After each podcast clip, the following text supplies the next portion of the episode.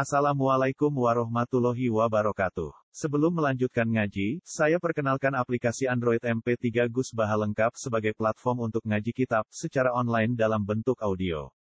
Aplikasi ini berisi berbagai kajian kitab kuning dari Kiai Haji Ahmad Bahaudin Nur Salim. Silahkan download aplikasi MP3 Gus Baha lengkap di Google Play Store. Link download ada di deskripsi. Wassalamualaikum warahmatullahi wabarakatuh. Bismillahirrahmanirrahim suratu Yasin Makiyah tunte surat Yasin Makiyah. Au illa qaulahu maksudnya Makiyah bangsa periode zaman Rasulullah tesih teng Mek Mekah. Au illa qaulahu atau kecuali dawuh Allah taala wa idza qila lahum anfiqu al ayat niku. Au madaniyatun utawa sebagian ulama darani surat Yasin bangsa napa? Madaniyah isnatan iku loro wa samanun lan 80 apane ayatan ayat. Jadi surat Yasin kabeh berjumlah berapa? 82 ayat. Bismillahirrahmanirrahim Yasin. Ya semua ulama mana Yasin itu mana nama lain dari Rasulullah Muhammad Shallallahu Alaihi Wasallam. Meskipun secara ikhtiyat, secara hati-hati, mufassir biasanya bilang Allah a'lamu bimuradi bi. Allah ta'ala alamu dat berso bimuradi kawan kersane Allah bi iklan Yasin. Tapi kita tahu secara ahwalul ulama, ya saya ulang lagi, kita tahu secara tradisinya ulama tetap mengatakan Yasin maknanya ayah Muhammad. Buktinya terusannya apa? Innaka laminal mursali. Innaka ke siapa coba? Ke Nabi kan, Nabi Muhammad. Berarti Yasin wahai Muhammad kamu adalah mursalin. Apalagi ada istimal yang sudah konsensus seluruh dunia. Misalnya sholatullah, salamullah ala toha rasulillah, sholatullah, salamullah ala yasin habibillah. Jadi makanya saya berkali-kali bilang, saya pernah ngisi pengajaran tafsir di Madura juga bilang gitu ada disiplin ilmu tafsir dan itu kadang ketatnya ikhtiyat. Ikhtiyat itu hati-hati sehingga tetap bilang Allah alamu bimuradi bidalik. Tapi meskipun demikian, ada konsensus masif dari para ulama yang menggunakan Yasin Toha itu untuk Rasulullah Shallallahu Alaihi Wasallam. Karena secara siakul kalam pasti demikian. Misalnya di juz 16 ya, surat Toha itu ya, 16 ya. Toha, Eya Muhammad ma anzalna alaikal qur'ana litasqa. Coba kalau toha ada artinya Muhammad lalu siapa? Enggak ada kata ma anzalna alaika apa? Coba sekarang toha ganti ya Muhammad kan pas ya Muhammadu ma anzalna alaika al-qur'ana litasqa. Jelas ya? Secara siakul kalam toha menunjuk siapa? Muhammad karena tuh sana ya coba ya. Toha diganti kata Muhammad. Ya tentu diganti secara makna. Ya Muhammadu ma anzalna alaikal qur'ana ditasko. Yasin juga ganti aja. Ya Muhammad demi Quran yang hakim, inna kaya Muhammad laminal mursalin. Sehingga meskipun mufassir secara disiplin ikhtiyatnya, kehati-hatiannya bilang inna kalaminal apa? Awa alamu bimuradihi bidalik, tapi secara ahwalul ulama tetap Toha dan Yasin adalah ismun min asma'i Rasulillah sallallahu alaihi wasallam. Kayak apa? Kayak tadi apa? Salatullah Salamullah ala toha Rasulillah Salatullah Salamullah ala yasin Habibillah. Jelas ya jadi antara istimalnya ulama itu beda dengan keikhtiatan mufassir. Dan tentu kita milih yang istimalnya ulama. Karena itu lebih gampang supaya kata alaika khitab itu kena apa? Kena. Mukhotabnya siapa siapa? Terus ketiga kata Ibnu Jarir atau Bari nggak mungkin Allah mengkhitobkan sesuatu dengan sesuatu yang nggak bisa difahami karena orang Arab dan zaman itu faham Yasin adalah Rasulullah, Tuhan adalah Rasulullah, sehingga ada kitab itu. Buktinya orang kafir zaman itu gak pernah menyoal gini. Muhammad katanya Quran itu indah, mudah difahami. Ternyata ini adalah lafat-lafat yang kita tidak paham. Nyatanya orang kafir tidak gugat seperti itu. Itu menunjukkan bahwa penggunaan Tuhan dan Yasin adalah ma'ruf dan difahami. Paham? Jelas ya? Ya soal nanti ikhtiyat, ya ikhtiyat saja kita ikhtiyat. Paham ya? Tapi tetap difahami apa? Tetap difahami. Buktinya jelas kan Toha ma anzalna alaika. Berarti diganti saja apa? Ya Muhammad ma anzalna alaika al-Qur'ana ditasqa. Mohon jelas ya. Wal Qur'ani demi Qur'an al hakimi kang bijak. Ail muhkami tegese kang kuat utawa kang kukuh. Kukuh maknane indah bi aji binasmi kelawan ke keajaibane susunan wa badil ma'ani lan keindahane makna. Innaka saat temen sira ya Muhammad wa Muhammad lam nal mursalin setengah sangking wong sing diutus. Sungguh termasuk wong sing diutus Allah. Ora sekedar diutus ala siratin kowe kowe ngatasé jalur to dalan mustaqimin kang jejeg. Uti ala mutalikun ta'aluk bima perkara qabla kang sedurunge iki dawuh. Aitori kil ambiya tegese kowe iku sesuai dalane para-para nabi qoblaka sedurunge sira. Manane torikil ambiya ya tauhid tegese tauhid wal huda lan petunjuk. Wa taqidu tenau kiti bil qasami klan qasam wa ghairi lan liyane qasam ngrad niku nolak liqaulil kufari maring pengucape wong kafir lagu maring nabi wong kafir komentar ning nabi napa lasta mursala. Muhammad kaiku ra rasul. Terus Allah jawab innaka laminal mursalin. Tanzil al azizi kang kowe iku dadi rasul mergo untuk turun, turunan untuk keturunan Quran sing aziz, sing tanzilal aziz. Kang Quran iku dadi sesuatu sing diturunno Allah sing aziz. Fi mulkihi dalam kerajaan wa ar-rahimi kang welas fi khalqihi lan makhluk Allah. Utai lafat tanzil ku khabar mutada'in khabar mutada. Ya karena Imam Suyuti baca tanzilu sehingga dia nerkep nyamuk tada. Tapi kira kita akan baca apa? Tanzila. Makanya saya berkali-kali ngaji itu sama guru. Imam Suyuti dia itu bacanya tanzilu, makanya dia rekep jadi khobar. Sementara kira kita tanzila, maka kita rekep jadi maf'ul mutlak. Paham ya? Makanya kamu gak usah bingung lagi kok jadi khobar padahal macamnya tanzila. Utara bingung mergo ora paham pilihane loro Ya. Jadi yang jelas Imam Suyuti itu kadung milih rofa, makanya dia rekep khobar. Paham ya tanzilu, makanya dia rekep apa? Khobar. Kalau kita baca kan tanzila. Maka itu maf'ul mutlak atau nyimpan kata amdahu. Ayil Quran itu kese Quran. Khobar mubtada'in muqaddarin. Apa sing kang aran tanzilul aziz ya Quran tentu Quran. Quran tujuannya ditung dira supaya ngekei peringatan sira bi bil Quran kauman ing kaum ta'alikun bitanzil. Maung dira kang ora dikei peringatan sapa abahum bapak-bapak wong akeh elam yung daru.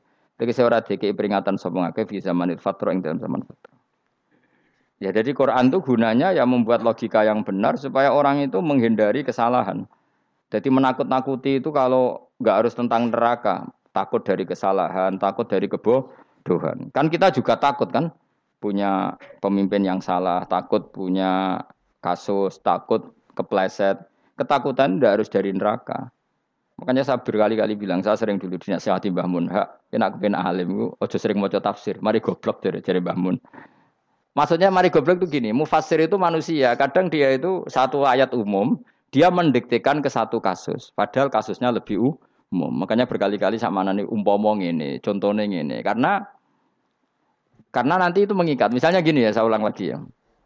Ben gayamu kayak wong alim. Ini kan malam dua tiga. Saya itu nggak pernah loh ngitung sengaja. Tapi ini malam dua tiga kita insya Allah nginjak jus berapa? Dua tiga. Ini insya Allah barokah sekali. Tapi rasa Arab Arab Lailatul Qadar biasa wae. Ora kelas e. Wis ben sing entuk Lailatul Qadar ben wali-wali wae. Kene entuk cipratane wis napa cukup. Lah wong traweh arang-arang ya jaluk.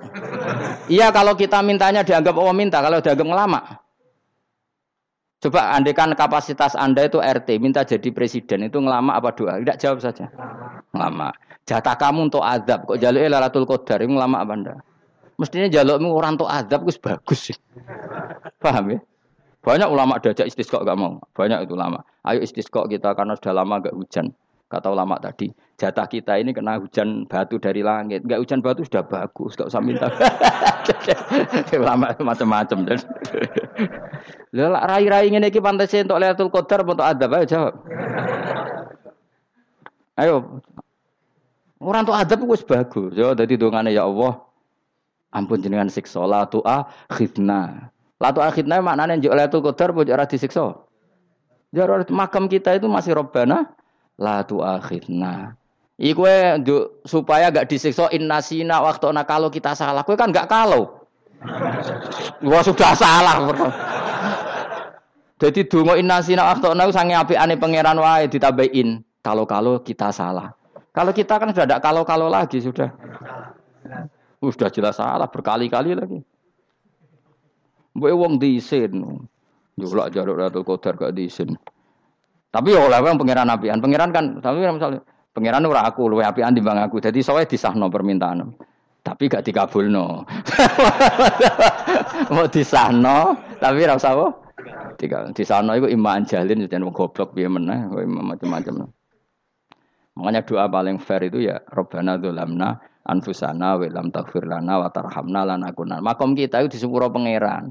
Sing bener donga wong traweh-traweh lho ning Tuban ning Jogja wis bener.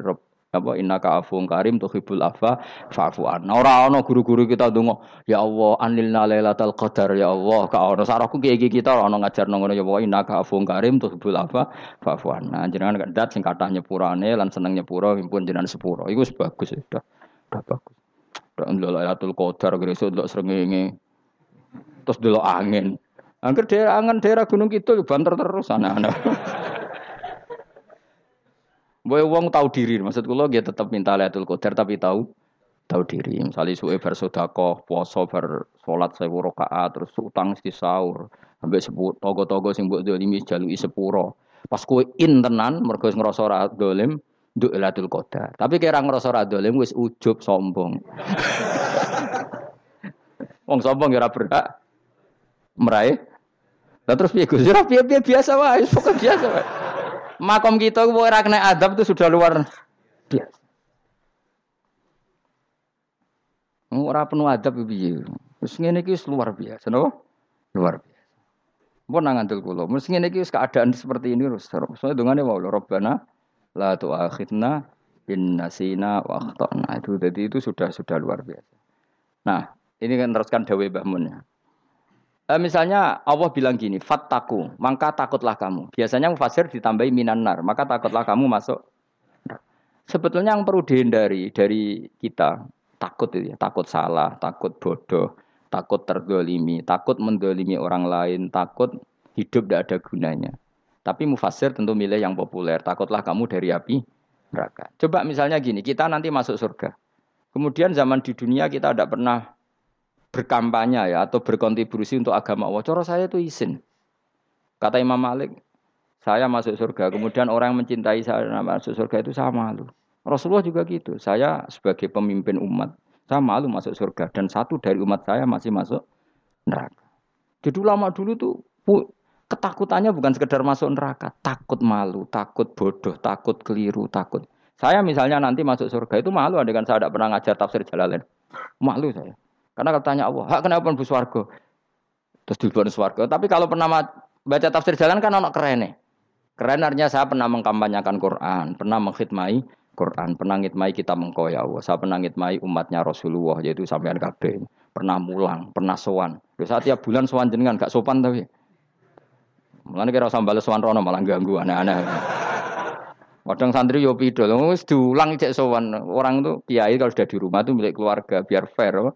Bermulang cek assalamualaikum. Terus kiai ini kagok keluarganya ku kapan? Boyo mikir bocah orang karu-karuan. Jadi seneng ya di ilmoni, napa seneng ya di ilmoni. Saya ulang lagi ya. Nah, kata kata yang ditafsir itu sering tidak mengikat. Makanya kata Bahmun, baca tafsir itu dikurangi. Maksudnya dikurangi itu bukan apa-apa. Maksudnya tadi kalimat yang ditafsir itu tidak mengikat. Yang mengikat itu yang kalimat di Quran. Nah kalimat Quran itu umum, kenapa?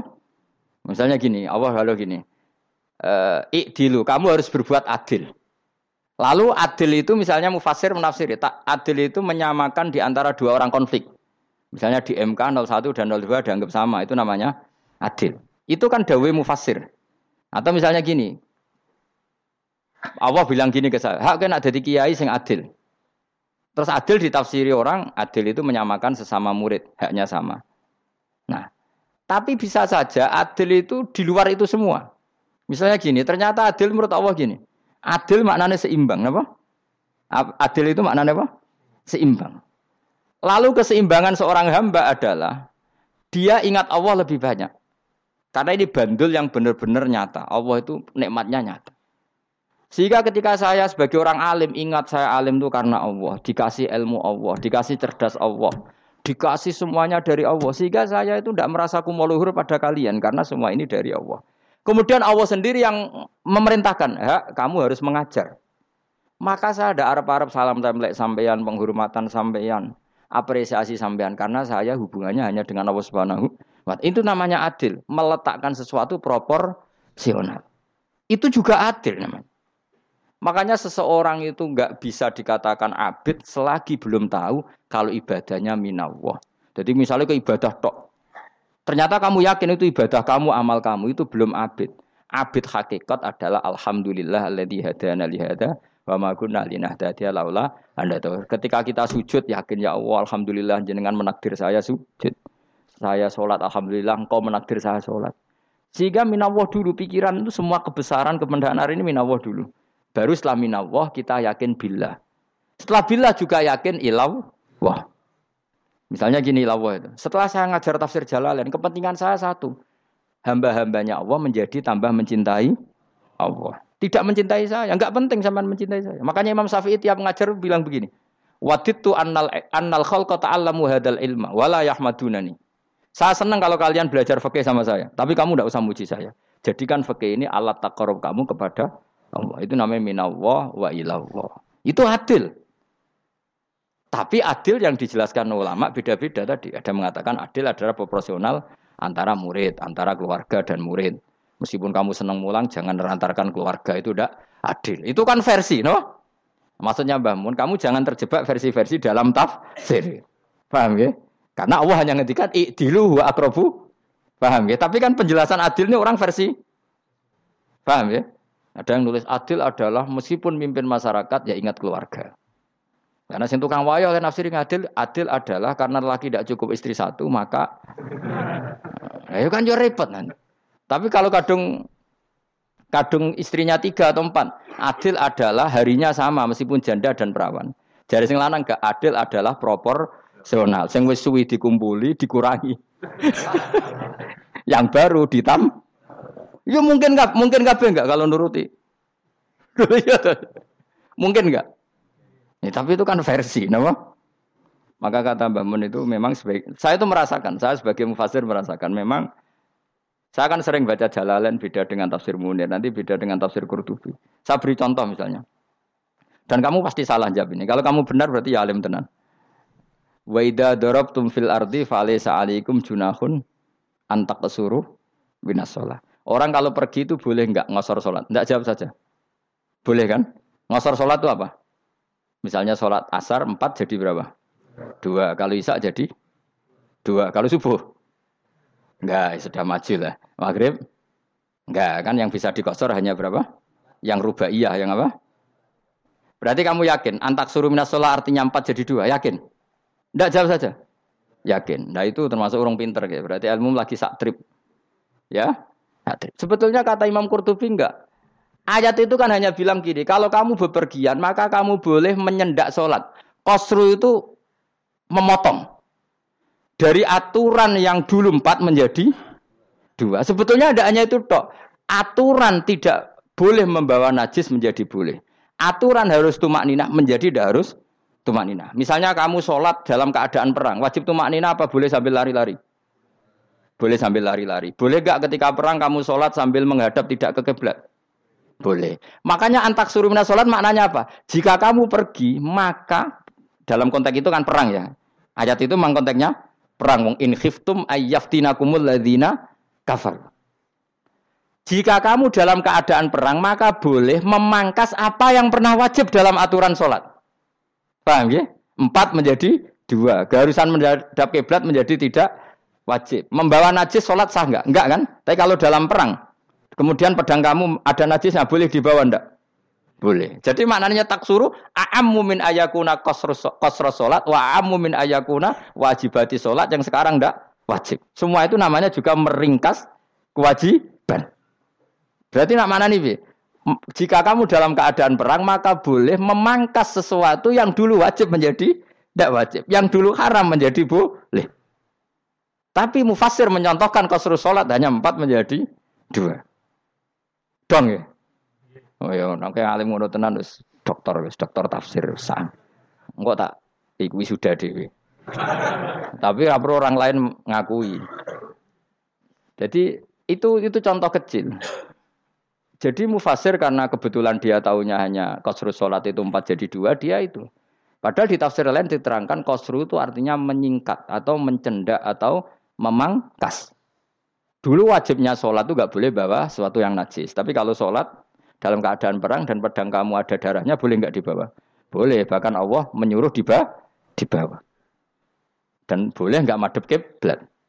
Fa in khiftum farijalan auruk banat lagi faida amin tum fadkurullaha kama allamakum ketika keadaan aman baru sholat sesuai standar nah berarti kan ada kosru sholat ada pemangkasan aturan sholat kayak misalnya begini dalam keadaan normal boleh nggak kamu motong pohon pisangnya tetangga tanpa izin nggak boleh kan tapi misalnya ada banjir bandang, kemudian kamu bisa selamat kalau motong itu wajib izin apa malah haram izin? Haram izin harus kamu langsung potong karena kalau tanpa begitu kamu teng dan yang punya wajib meridoi. Kalau nggak meridoi disalahkan sarak malah. Paham ya? Jadi ini penyolongan yang wajib. Tapi tak sebab potong kayak ngelangihin, terus gedangnya mbok pangan, itu berlebihan. Karena Allah memaklumi hanya untuk ngelangi. Jebule wis menisan lah itu itu itu di luar izin syariat apa? Di luar izin syariat. Itu melampaui batas itu syaratnya boleh itu ghairu baghiw wala adfamani turro itu darurat syaratnya ghairu baghiw wala dan tidak boleh melebihi batas. Ora apa ngetok gedange jupuk sik sing mateng dipangan terus diketok ora oleh paham jelas ya Makanya kalau ngaji tafsir, ya saya kan berkali-kali ada makna di tafsir Imam Suyuti, saya tambahi umpamanya ini. Maksudnya umpama itu supaya contoh itu tidak mengi, mengikat. Jadi yang disebut beliau itu satu dari sekian potensi ribuan con, contoh. Ya kayak tadi misalnya antak suruh minas sholah. Itu umumnya ulama membayangkan kosru sholat yang empat jadi dua. Padahal enggak, maknanya meringkas aturan dari wajib menjadi tidak wajib. Bahkan sebagian aturan itu dikatakan haram, tidak haram. Itu tadi misalnya bawa najis atau teman kamu mau dibaca orang kafir, terus kamu bilang, hei hati-hati, itu tidak batal kalau dalam sholat sidatil khauf. Paham ya? Jelas? Ya, semaju lah, masuk malam telu likur, lelatul. Soal wis gumen be wong-wong bingung ora ilmune wong-wong. Ma abahum elam yung daru tegese ora den kei wedi sapa ngangge fi zamanil fatra ing dalam zaman fatra. Ya sama seperti ini. Orang tidak mendapat engdar itu di zaman fatro zaman gak ada rasul.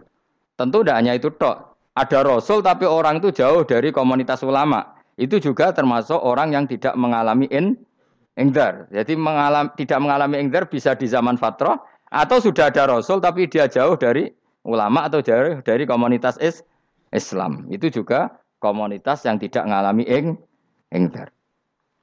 Fahum mongko te wong akeh kaum iku khafidun lali kabehane iman sing iman parustilan bener. Ya contoh paling gampang itu nak dawuh yai mesti bener itu loh. Kalau kamu ngaji tafsir Jalalain ya Yuhan nasu budu robbakum. An nasu biasanya tafsirkan kufaru Mekah, napa? Padahal di situ nas semua manusia apa kafir Mekah? Semua manusia. Cuma kontak dulu karena Nabi orang Mekah dan zaman itu yang diberi peringatan orang Mekah, Imam Suyuti bilang ekufaru Mekah. Lah seperti itu kufaru Mekah mengikat apa enggak? Enggak kan? Enggak, karena yang dituruni Quran yo kafatal linnas. Tapi ya Yohanasu di jalalan sering ditulis apa? Kufaru Mekah. Nah, seperti itu tidak mengikat. Itu contoh saja, apa? Contoh saja dalam konteks zaman itu. Paham ya? Jadi banyak, makanya tafsir itu sebenarnya enggak ngikat. Ya tapi yang ngomong gitu harus orang alim. Kalau kamu yang ngomong malah kacau. Kemudian ngomong sombong, Suti kan manusia, saya juga manusia. Ngapain saya harus ikut? Ya sarap itu. Iku ora wis sombong saraf, no? wis sombong saraf. Lakot hakko teman-teman fahum, lakot hakko teman-teman nyata apa alkohol apa titah, eh wajib tegese wajib mana nyata ala aksarihim. Ing atase wake-ake wangke bil adab. Lakot hakko teman-teman dadi nyata apa alkohol apa titah anane adab. Eh wajib tegese wajib apa adab ala aksarihim bil adab fahum mongko te wong akeh layu minun ora iman sapa ngakeh. Il aksaru tegese akeh wong ora iman. Zaman niku. Ya, maksudnya zaman itu. Tapi jengben gue ngerti. Tapi yang mungkin batu Isa itu semua orang iman, tapi ya banyak yang setelah iman itu tidak bermanfaat lagi karena wes napa matahari terbit dari napa barat hinala yang fa'u nafsan iman lam takun amanat qabl inna saat temen ingsun naga ingsun fi anaqihim ing dalam gulu-gulune wong akeh tak gawe akhlalan ing belenggu bi ayu doma gambar bi antu doma gambar ento dewi kumpul no ileha maring anak apa di tangan. Di anal gela karena saat menegil iku yajma'u iso ngumpul apa gil al yada ing tangan kal unuk maring geger maring napa gulu gulu guri lho jenenge unuk. Wong Arab nak darani kene ku unuk, nak darani kene ku nakher. Ya jare wong Arab ya kene ku unuk. Kene ki nakher. Lah gulu ngeten, tangan didakok teng napa? Napa? Gulu. Napa jenenge jenenge jidok niku jidok nih. Sing guri-guri. Faya mengkote tangan il aidi kumas muatun ting kumpulno ilal atkoni maring dagu. Niki lho jenenge dagu. Jam udzakonin wa ya mustama ulahyan. Kumpule dua dagu atau dua wang nak jomanan.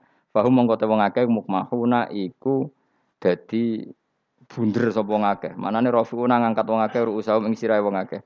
Ora iso mampu sapa ngakeh khawdaha ing ngendekno ruus. Mana dia maksudnya wah ada utai iki mutamsilun mau bayangan, mau tamsil gambaran. Mulane kula gumun be ulama riyen.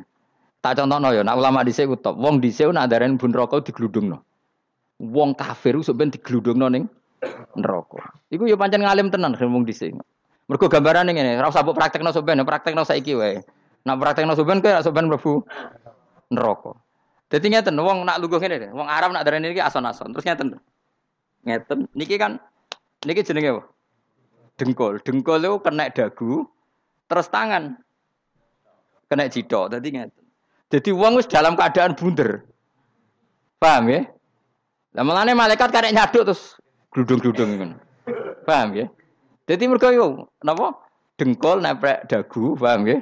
Tangan nempel jidok, terus ditaleni. Paham ya? Terus ya karek gludung dong, mulane wong kuno nak dene bun rokok Bener. Oke bayang dosa iki sok ben ra usah, gak usah mlebu maksudnya, paham ya? Mulane ape mlayu ora iso, posisi ngono, paham ya? Sebenarnya rasa delok, maksudnya itu praktekno saiki. Menang delok kowe. Lah dawuh Imam Suyuti wal muradu te kang den kersakno iku annahum sak temne wong akeh la anu nek ora tunduk sapa ngakeh lil imani maring iman.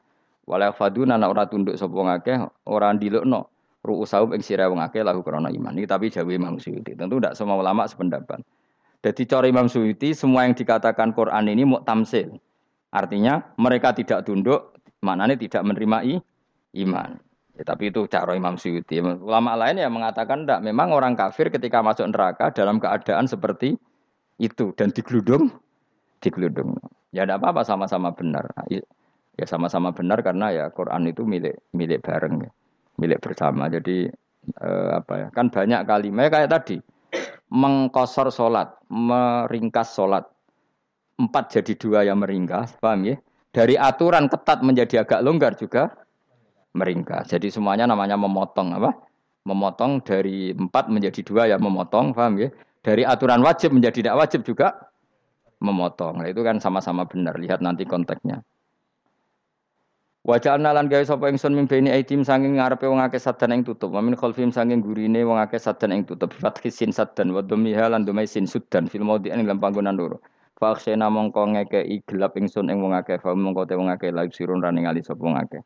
Tamsilun iki ya contone aidon disat diturukil iman maring ketutupe dalan iman alih ngatasi kufar. Nak cari musuh itu kabeh iki mau tamsil. Dadi ngene. Dari depan kami kasih tutup, dari belakang kami kasih tutup, kemudian mereka saya kasih kegelapan. Maka mereka tidak tahu. Mana nih apa? Dari arah depan yang mereka nggak ngerti pentingnya iman, dari arah belakang yang mereka tidak ngerti pentingnya iman, maka mereka buta, artinya tidak i, iman. Itu dari Imam Suyuti. Tamsilun ini hanya perum, pamaan lisat diturukil iman, yaitu tertutupnya jalan-jalan i, iman. Nah, tapi ulama lain mengatakan ya enggak, memang pernah ada peristiwa di mana orang kafir ngepung Rasulullah, dan mereka dari depan matanya dihalangi, dari belakang dihalangi, sehingga ketika Rasulullah keluar mereka tidak meli melihat. Itu ya nyata ya. Jadi makanya ngaji ya. Jadi ben keren. Oh ini ada sekian tafsir terus gue ngomong kan kayak wong alim keren. Nah, tak kata siapa? Ono rekamane. Tapi yang orang ngaji dewe, nah tak kata siapa? Ada rekamannya.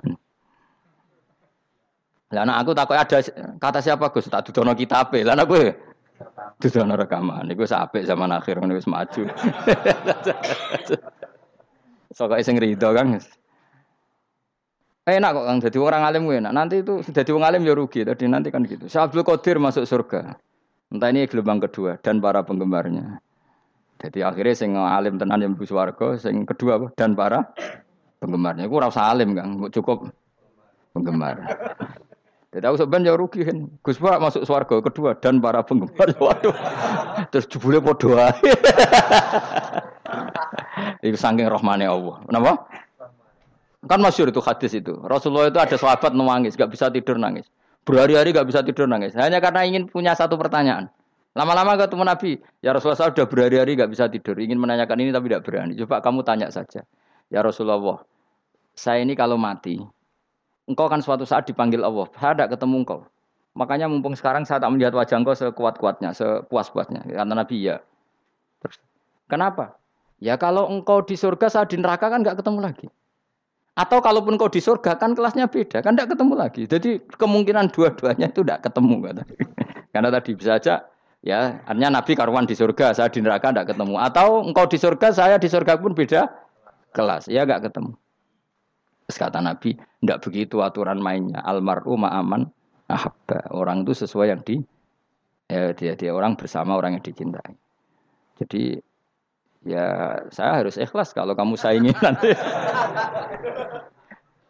ya sis takdir no. Takdir. Wasawana ni padha uga ale ing atase wong akeh angger tau te ngekek peringatan sira gumeng wong akeh tahqiqil hamzatain angger ta. Wa ibdali saniyati alifan angger ta humata sili ala nasil hamzah wa itu khali alifin wa fana alif binal musahalan daran dan hamzah sing ditasil wa ukhra lan ya wa tarki lan tinggal itu khol. Am lam tungzirhum wong ra wis bakat kafir mbok elingno cek ra mbok elingno tetep la yu'minu ora gelem iman. Lah sing iman iku sapa inama tungziru ang mestine ngelingno sira. Maksude yan fa'u tegese manfaat apa ing daruka peringatan sira. Peringatan nemu manfaat man ing wong ittaba kang anut sapa man adzikra ing Qur'an il Qur'an tegese Qur'an.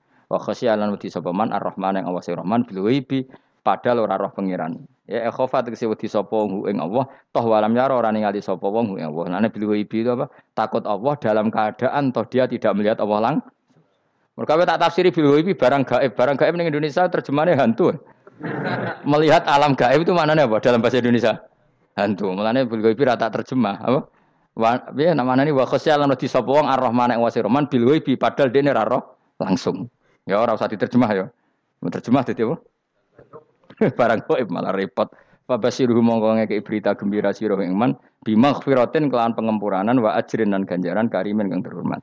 Orang yang seperti itu yang ngikuti Quran dan takut Allah itu layak mendapat maghfirah wa ajring karim wa ta'ala juru karim wal jannatu swarga.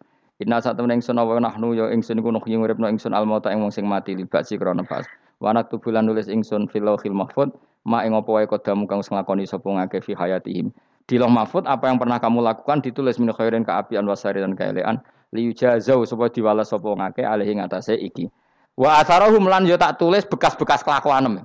Mate saya perkara ustuna kang digawe sunah apa bima badam sak usah akeh. Jadi perilaku kamu ditulis setelah kamu mati ya masih ditulis yaitu bekas-bekas sunnah kamu yang pernah kamu lakukan. Jadi misalnya kok penemu judi, selama ada orang judi ya kamu dapat, paham ya? Paham ya? Loro gak ya? Makanya ulama ngendikan dulu tu balil amwat, tu baliman mata wa matat ma'ahu dunubuh. Bejo wong mati, kemudian dosa-dosanya melok mati pisan. Mana ini dia mati dalam keadaan tidak pernah melahirkan sunnah keburukan. Paham ya?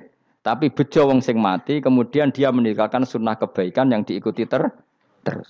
Kok sampean ini lo bener? Gak paham jalan lah, nggak jalan nggak turun ngaji. Sehingga sebenarnya anak em gak paham lah ya gue. Lo kok gue jalan dong? Bisa bapak rafam paham lah ya gue. Itu sudah bagus. Apa? Bagus. Berarti pokoknya anut anak ya anut. Wah, pokoknya keren, wah, pokoknya keren, sama nu keren. Jadi nanti sebenarnya anak tuku jalan, takoi pak, kok tuku jalan? Disik bapak aku neng lemari iki ono jalan. Lah tapi disik bapak am paham yo ora paham bodoh. Wes stop, wes, oh, stop. Jelas ya gitu, anak tubuh mangkot damu wa atharoh. Makanya sisa-sisa amal kita, bekas-bekas amal kita semuanya adalah ditulis sampai Allah Subhanahu wa taala. Mulane kula kepengin jenengan nate syukuran, pisan-pisan nate syukuran. Pertama anak kita bisa sholat. Guling-gilingan banyak orang syukuran perkara ulang tahun. Kenapa pertama anak kita bisa sholat kita tidak pernah apa?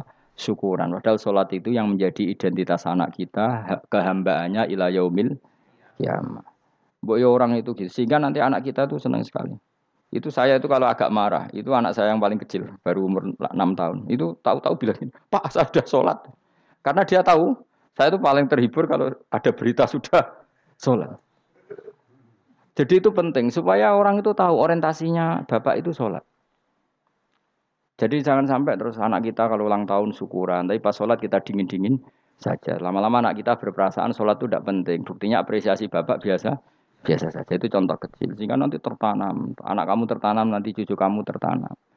Jadi itu namanya asar apa? Asar. Jadi harus seperti itu. Jadi ya itu itu namanya asar. Makanya Nabi Ibrahim nggak berani minta uang sama Allah. Minta rezeki nggak berani. Tapi kalau dia menyebut sholat dulu baru berani. Robbana liukimus sholat faj al afidatam minan nas tahwi ilaihim warzukum kata Ibrahim supaya mereka kuat sholat ya Allah. Enggak apa-apa kamu kasih makan supaya kuat sholat. Karena kalau Nabi Ibrahim hanya berdoa, ya Allah kasih mereka makan. Nak digo zino, gue demenan, gue judi. Nabi Ibrahim melok dosa. Makanya dimulai Robbana liukimus sholat supaya mereka kuat sholat ya Allah. Enggak apa-apa mereka kasih makan. Tadi supaya ini sholat jadi pokok. Kenapa kita makan? Supaya kuat sholat. Andai kan Ibrahim hanya berdoa supaya kasih makan mereka. Kemudian kekuatan itu dipakai maksiat. Ibrahim kan ikut dosa. Itu sirinya kenapa doanya Robbana liuki musolat ya. Jadi kata liuki musolat didahulukan apa? Supaya mereka kuat sholat. Maka kasihlah makan, kasihlah rezeki. Jadi supaya sholat jadi pusat orientasi. Itu harus dilatih. Ya tentu kamu ngelatihnya ya sidik-sidik. Wong anak esopo kan gitu, tapi ini kan cerita aja. Maksudnya, maksudnya orangnya biasa wae, maksudnya biasa wae. Maksudnya aku mau cerita. Kue gelo ya monggo, Terus mutung ra ngaji ya monggo, gampang. Kue ra ngaji, aku golek murid kok kue gampang. Kue golek guru kok aku kangelan. ya maksudnya sing gelem ngalah teko ini kan. Oh, liane larang kang nyewane. Wa asarohum lan bekas-bekasnya mereka. Makanya ketika Ahmad bin Hambal itu ahli hadis karena selagi riwayatnya dia dipakai orang tahu Rasulullah itu karena ahli hadis. Bener sing paling hebat tentu kala Rasulullah.